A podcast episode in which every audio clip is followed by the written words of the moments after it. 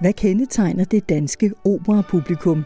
Hvad får en operachef ud af at læse publikumsanmeldelser? Og hvorfor er det så vigtigt at opføre wagner Efter næsten et års pause er Overture tilbage på Radio Klassisk. Det er her, hvor vi ser nærmere på det Kongelige Teaters operasæson, og vi begynder Overture på samme måde som sidste år ved at tale med operachef John Full James om den kommende sæson og få opklaret nogle af førnævnte spørgsmål.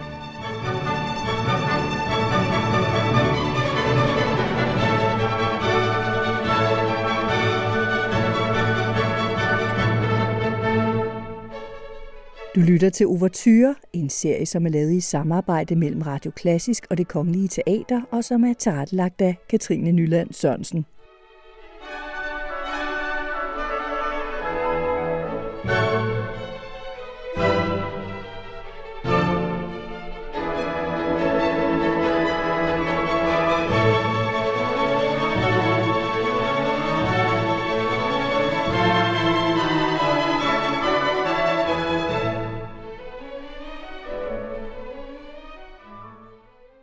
I'm John Full James. I am the opera chef here at Operan.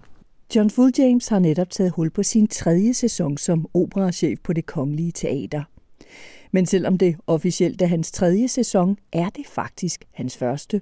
Forstået på den måde, at det først er nu, hans repertoirevalg og kunstneriske ambitioner slår igennem. For det tager mange år at forberede en enkel opera, og det kræver også kampe at finde de økonomiske ressourcer til forestillingerne.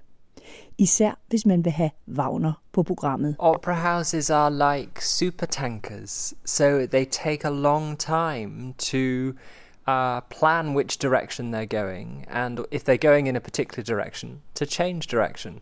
So, yes, I'm at the start of my third season, and yet it feels like I've only just begun because now, this season, we can start to see the choices which you know, I and the organization were making a couple of years ago beginning to really become visible for the audience. So I am terrifically proud that we have a complete Wagner opera in the season. I think that's so important for nurturing an ongoing artistic tradition, for nurturing the sound of the Kapelle, for nurturing a new generation of Danish Wagner singers. But my goodness, we've had to battle for it. You know, we've really had to fight to to create the the resource, the time, the money to make it happen. Tristan and Isolde will be semi-staged. In future years, we'll have fully staged Wagner operas. Um, and that is, I think, a really important part of the program going forward.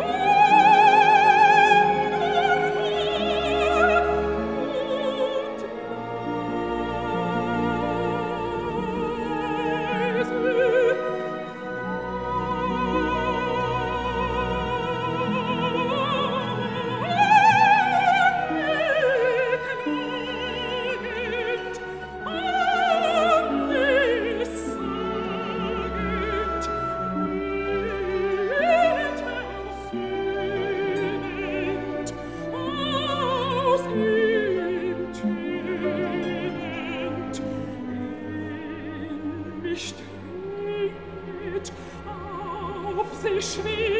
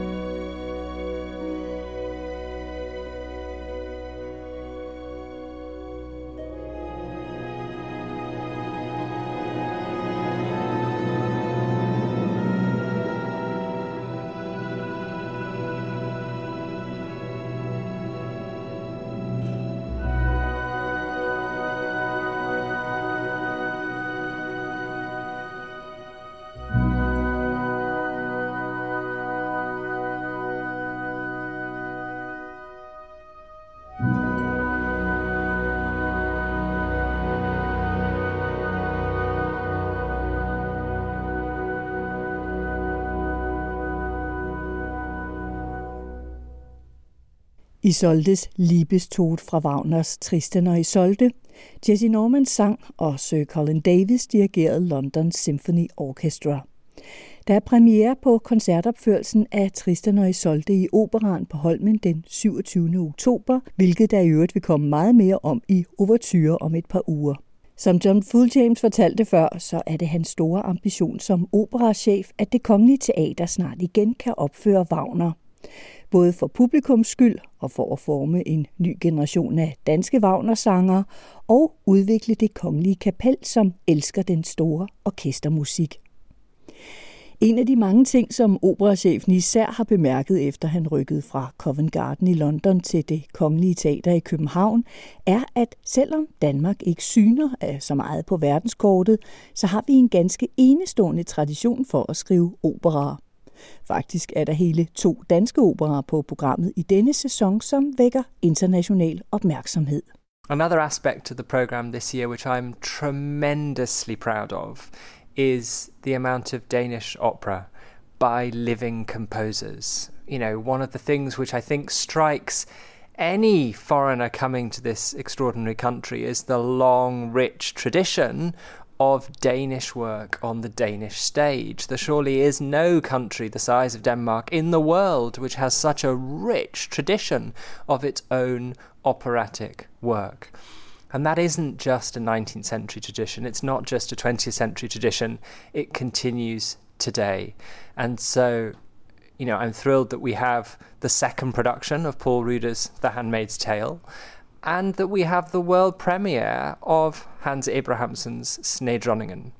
That's a project which I certainly can take no credit for. You know, and a, a complicated, large scale undertaking like that is many, many years in the gestation. I think it was eight years um, in this case. And, uh, you know, I think on the basis of Hans' previous music, you know, most perhaps noticeably um, Schnee, uh, his kind of piece which really has a cult following around the world and defines the sound world, which then he explores in Snedronningen. But also his his Hamlet inspired piece, Let Me Tell You, which was I think his first piece for voice actually. Um, I, I think those two pieces together really whet the appetite. Popping down into rehearsal and hearing the music which he's written one is struck by the extraordinary precision of the writing, uh, the, the very, very high level of detail and complexity, mathematical complexity, musical complexity, rhythmical complexity. And yet, a little bit like when you are looking at, you know, patterns in nature, um, fractals, extraordinary, detailed things. Once you step back from the detail, you see uh, a simplicity, you see a beauty of form. Um, and for me, it seems that the music has a a really remarkable ability to be both enjoyed by a listener on a first hearing and also repay such detailed and repeated study. And that, I think, is a great, um, a great benchmark for, for any form of art. Hans Abrahamsens opera Snedronningen får urpremiere den 13. oktober. I København er det Johan Reuter, der synger Snedronningen, mens Sofie Elkær Jensen har den bærende hovedrolle som Gerda. Den 21. december bliver Snedronningen så opført på operan i München i en helt anden produktion, hvor det i øvrigt er Barbara Hannigan, som synger Gerda. En ny stor opera af en stor dansk komponist over et eventyr af en stor dansk forfatter er selvfølgelig en vigtig begivenhed for en national scene. Yes, I think this is a, a major event in Danish culture. You know, uh, a very important Danish writer. That seems a very strange thing to say about Jose Andersen, but, but he is. Um, adapted by a Danish composer on a Danish national stage sung in the national language. It feels like a real a really important national cultural event.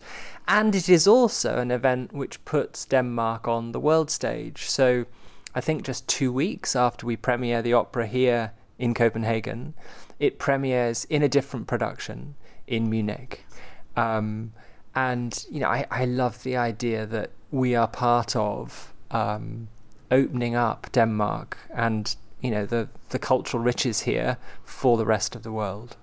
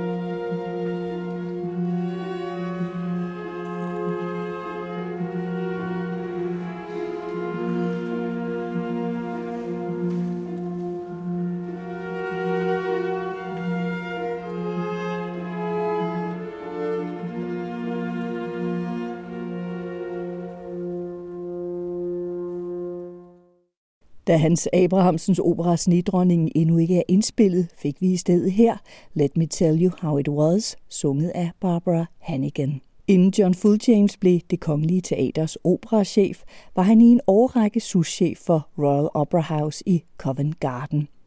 Han har bemærket, at der er flere ting, som adskiller det danske operapublikum for det britiske.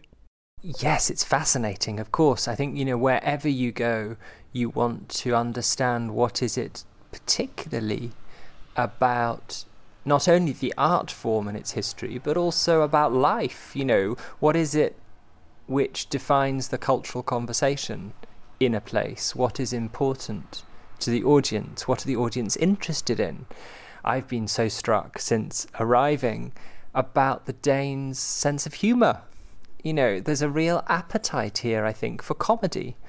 It's wonderful to sit in the auditorium here and watch a comedy and see uh, how actively the audience wants to join in. You know, it's it's much more alive actually than uh, than many London audiences, I think we're about to revive The Barber of Seville, which was such a hit uh, just after I arrived in Martin Lyngbo's production, which sets the, the opera in the world of silent cinema, the world of Charlie Chaplin and Harold Lloyd. It's a very, very good production. Um, but my goodness, it really hits home with the audience, you know. And of course, a production is only good when that connection is there uh, with the auditorium the first night of Carmen last week was full. You know, we had a red light on the outside of the building. And the energy that you get when an auditorium is full is uh, really it's a special experience. Et dansk operapublikum er i langt højere grad end det britiske vildt opsat på at få et godt grin. De er mere levende, og som John Fulljames siger, så bliver en operaopsætning først rigtig god, når der er en fælles klang mellem publikum, scenen og orkestret. Der er en ganske særlig energi, når salen er helt fuld. Men selvom det danske operapublikum gerne vil grine og engagere sig, så betyder det altså ikke, at vi kan forvente Wagner som stand-up comedy. Don't get me wrong. I'm not saying that A Night at Tristan is going to be um, uh, a night of stand up comedy, but I do think there is an appetite for lightness. You know, maybe it's maybe it's not a Danish thing. Maybe it's just I've spent my last two years here, and that's where we as a world are at. You know, there's so many terrifying things happening in the world right now that perhaps um, humor becomes more important for us in our in our cultural experiences.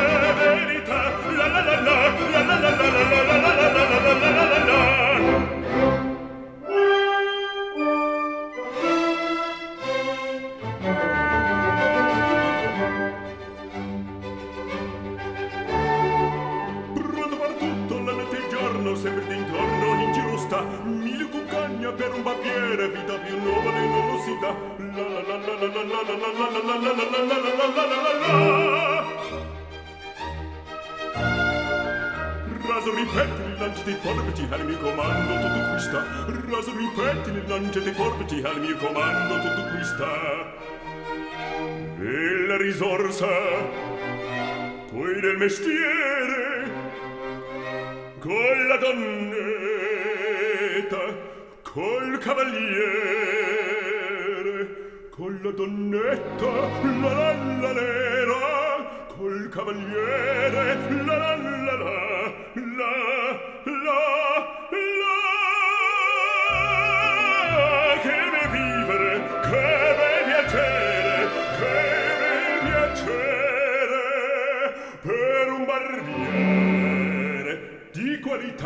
piccolità tutti mi chiedono tutti mi vogliono. Donne e ragazzi vecchie fanciulle qua la parrucca presto la barra qua la sanguigna presto il biglietto tutti mi chiedono tutti mi vogliono tutti mi chiedono tutti mi vogliono qua la parrucca presto la barra presto il biglietto e eh.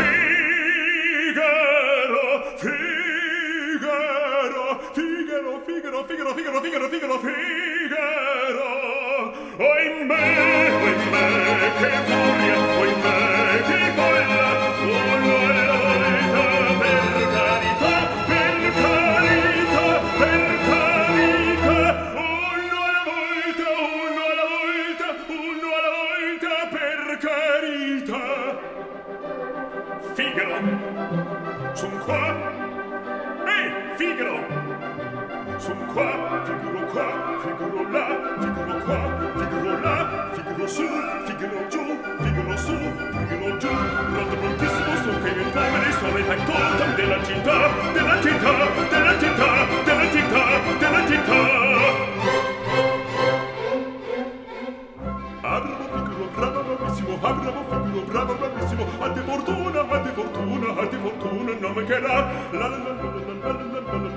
Atti fortuna, atti fortuna, atti fortuna non mancherà.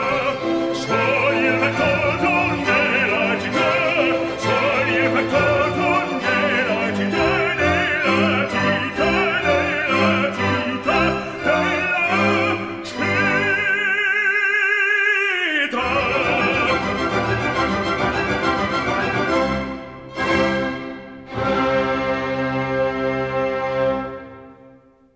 Lago al Factotum fra Rossinis Barberen i Sevilla.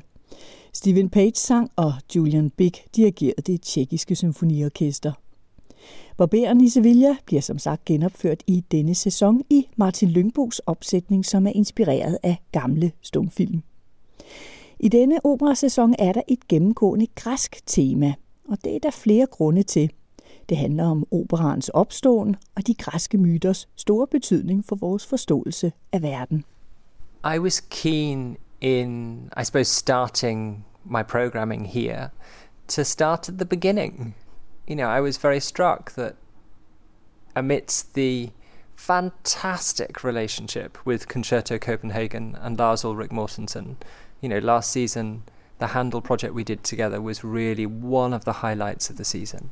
I think it's it's such an asset for the city and the house to have this extraordinary orchestra here. So I was very keen with them to begin at the beginning, to start at the beginning of opera's journey, and that is Orfeo. Um, the opera which not only was the first successful opera or proto opera, but also it kind of tells opera's founding myth. It tells a story about how song is capable of changing fates, of changing hearts, how song is able to express our most fundamental uh, needs and emotions. So there's a direct connection between Orfeo as singer and Orfeo as somebody who needs to express his overwhelming grief and perhaps in so doing discover quite how overwhelming his love is. It's an extraordinary opera, and in a way, it shows, I think, not only what the art form can become, but also it illustrates how opera always stands on the shoulders of other art. So, Snedronningen is a good example of that. You know, opera is an art form which works so well through adaptation. It takes uh, sometimes stories which are well known, sometimes characters which are well known, sometimes f- story fragments. But very, very often it's dealing in myths because opera deals so well in simple narratives. It doesn't do complicated narratives well. Perhaps in comedies it does sometimes, but we all have to accept we get lost then. Um, and of course, the greatest source of myths in Western culture is ancient Greece. You know, we can track them all back to there. And so it felt interesting alongside Orfeo to see Idomeneo, that great story of the consequences of war, you know, the legacy of the Trojan War, how a civilization copes post war with a with a migrant crisis, with the the reconciliation between populations which is needed.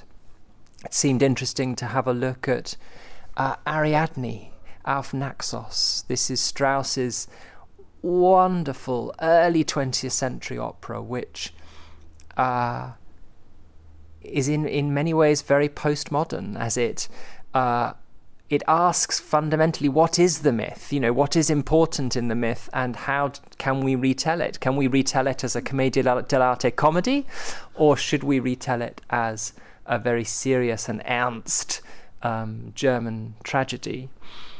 I'm really interested that we have a production by katie mitchell of this opera. Katie is one of the world's leading theatre directors one of the world's leading opera directors and i think also a feminist director. She's somebody who very brilliantly is willing to look at texts from a feminist perspective. And so she examines Ariadne's character not just as somebody who's waiting for a man, but somebody who uh, is waiting as part of her own journey as well and explores uh, her maternity as part of that. I think it's a really interesting and provocative uh, reimagining of this uh, wonderful, wonderful score. You know, we so often think of Strauss as writing enormous operas. You know, the Capella desperate to play Strauss because it's such complicated, but such big, such lyrical, such overwhelming music. And yet in Ariadne, it's not. It's chamber music, um, and all the more beautiful for it.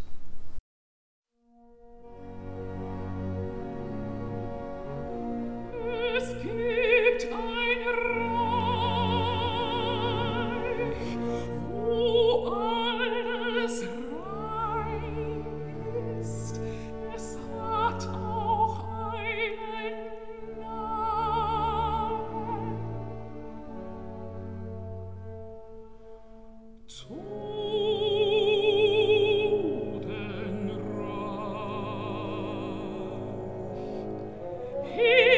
ist nichts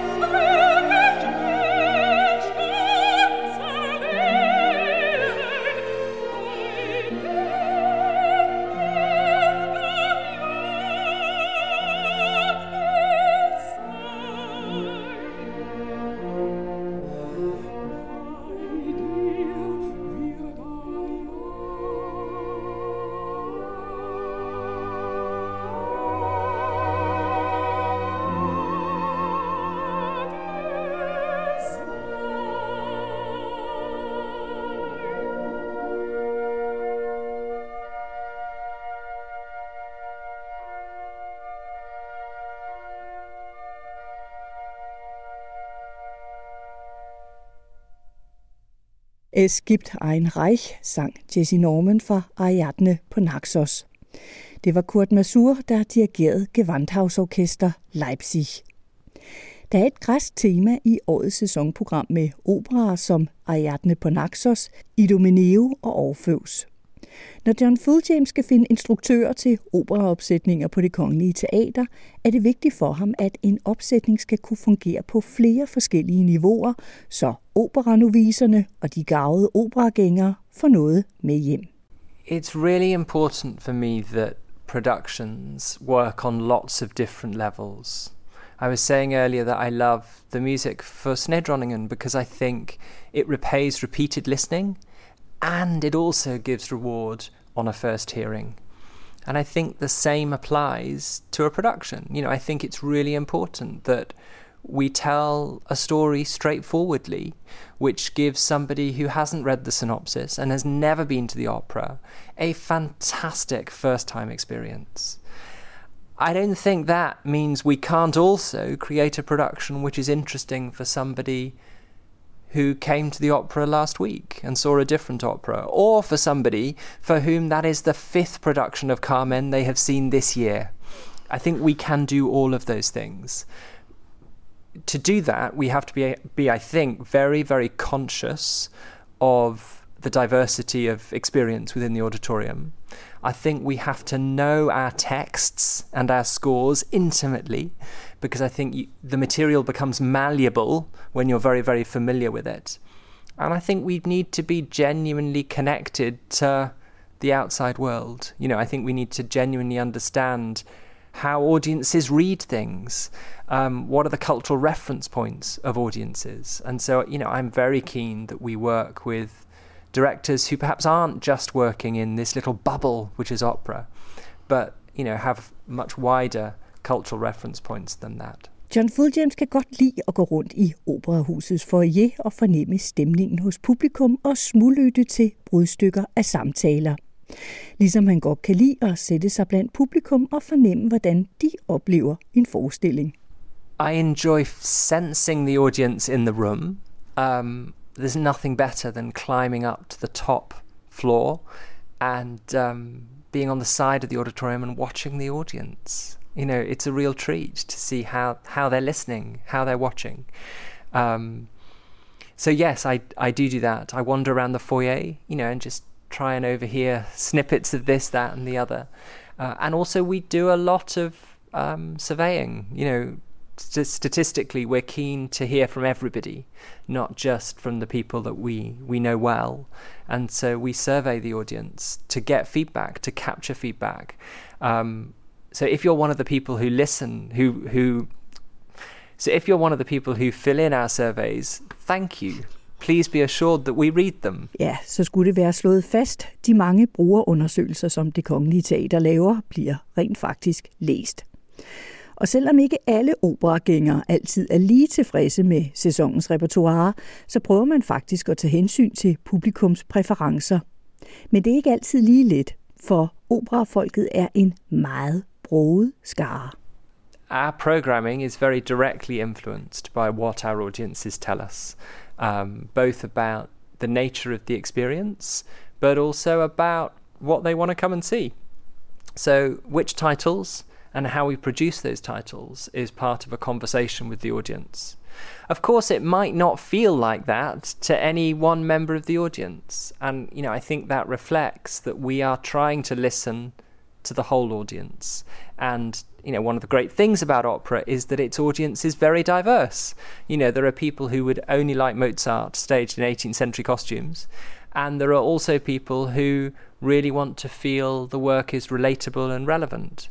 And, you know, it's our challenge, I think, to find a way to do both, to be true to the original and to bring it to life in a way that connects uh, to today.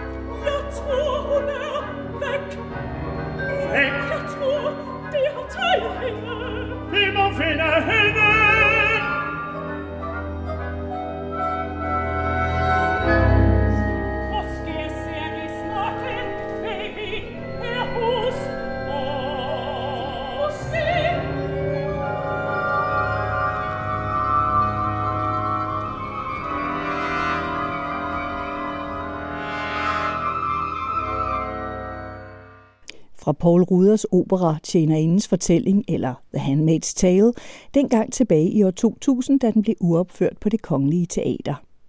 Til foråret bliver den genopsat, og med John Fulljames selv som instruktør. Operaen så han for mange år siden, og den gjorde et stort indtryk på ham.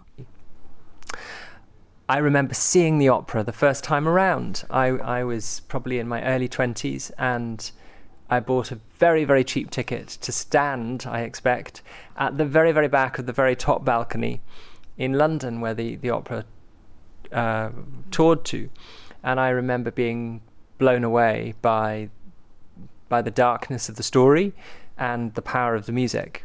Da Paul Ruders opera Tjenerindens fortælling havde urpremiere på det kongelige teater i år 2000, havde verden endnu ikke hørt om en tv-kanal ved navn HBO og en serie over Margaret Atwoods roman med global opmærksomhed. Så når John Fulljames skal lave en ny iscenesættelse af operan 20 år efter den havde urpremiere, bliver det med visse udfordringer. For det er skræmmende let at gøre den til en historie om vores tid og ikke en fjern fremtid. Of course, the challenge of staging a piece for the second time is very significant. The reputation of the piece is very high, and the world has moved on since Margaret Atwood wrote the first version of The Handmaid's Tale. You know, in a way, that's why she felt the need to write the Testaments, to write the second book, because politically we're in a different place. I think we're in a place which desperately needs hope now, whereas perhaps back then we were in a place where uh, some of our, our false hopes needed to be shattered. So, you know, I, I can see the challenges of revisiting a piece, but on the other hand, I think the music speaks so powerfully and the story is so resonant. I think, you know, the opportunity to. Uh, to find a way to, to make it a story of our time, uh, which I have to say is is terrifyingly easy. Um, is uh, exactly what we should be doing. You know, if we are making uh, music theatre which reflects the world around us. Siden Paul Ruders skrev operan Tjenerindens fortælling, eller Handmaid's Tale, har verden ændret sig markant. Og det er jo det, som altid sker med opera. Igen og igen opføres der operaer fra 1700- og 1800-tallet, hvor værdier og verdensbilleder ofte kan forekomme fjerne for et moderne publikum. Men hvis der er noget, som opera kan, så er det at fremstille komplekse karakterer. Og det er noget, som også et nutidigt publikum kan relatere sig til. For me, opera is uh, always of its time. Um, and of the time it was written. You know, you have to straddle both those times, but clearly the values of the performers and the values of the audience are what are present in the room. Uh, and so you know the the way that we see other cultures has shifted over time. Our values are different now. And that is certainly challenging when we are confronted by pieces which come from another time, uh, a time where there were different values, uh, particularly about how different peoples interacted with each other. So pieces like um, Mozart's Entführung aus dem Serail, I think it's a very, very difficult piece to stage today. Um, Turandot brings a lot of those those same challenges. In a couple of seasons, we're going to make a new production of Madame Butterfly. Actually, that contains lots of the same challenges. But there's also a fantastic opportunity there because I think one of the things which we now are more interested in than ever is identity. It's um, how complex identities exist in individuals and in societies. And actually, a lot of these operas, which were about interaction between different cultures, are exploring exactly that question. So, if you can find the key to unlock them, I think they're very, very relevant to today.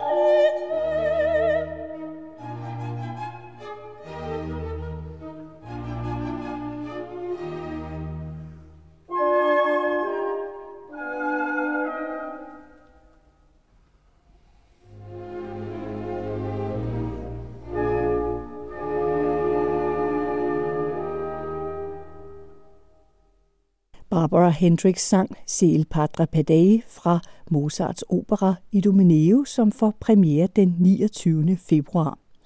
Du kan læse meget mere om operasæsonen på det Kongelige Teaters hjemmeside.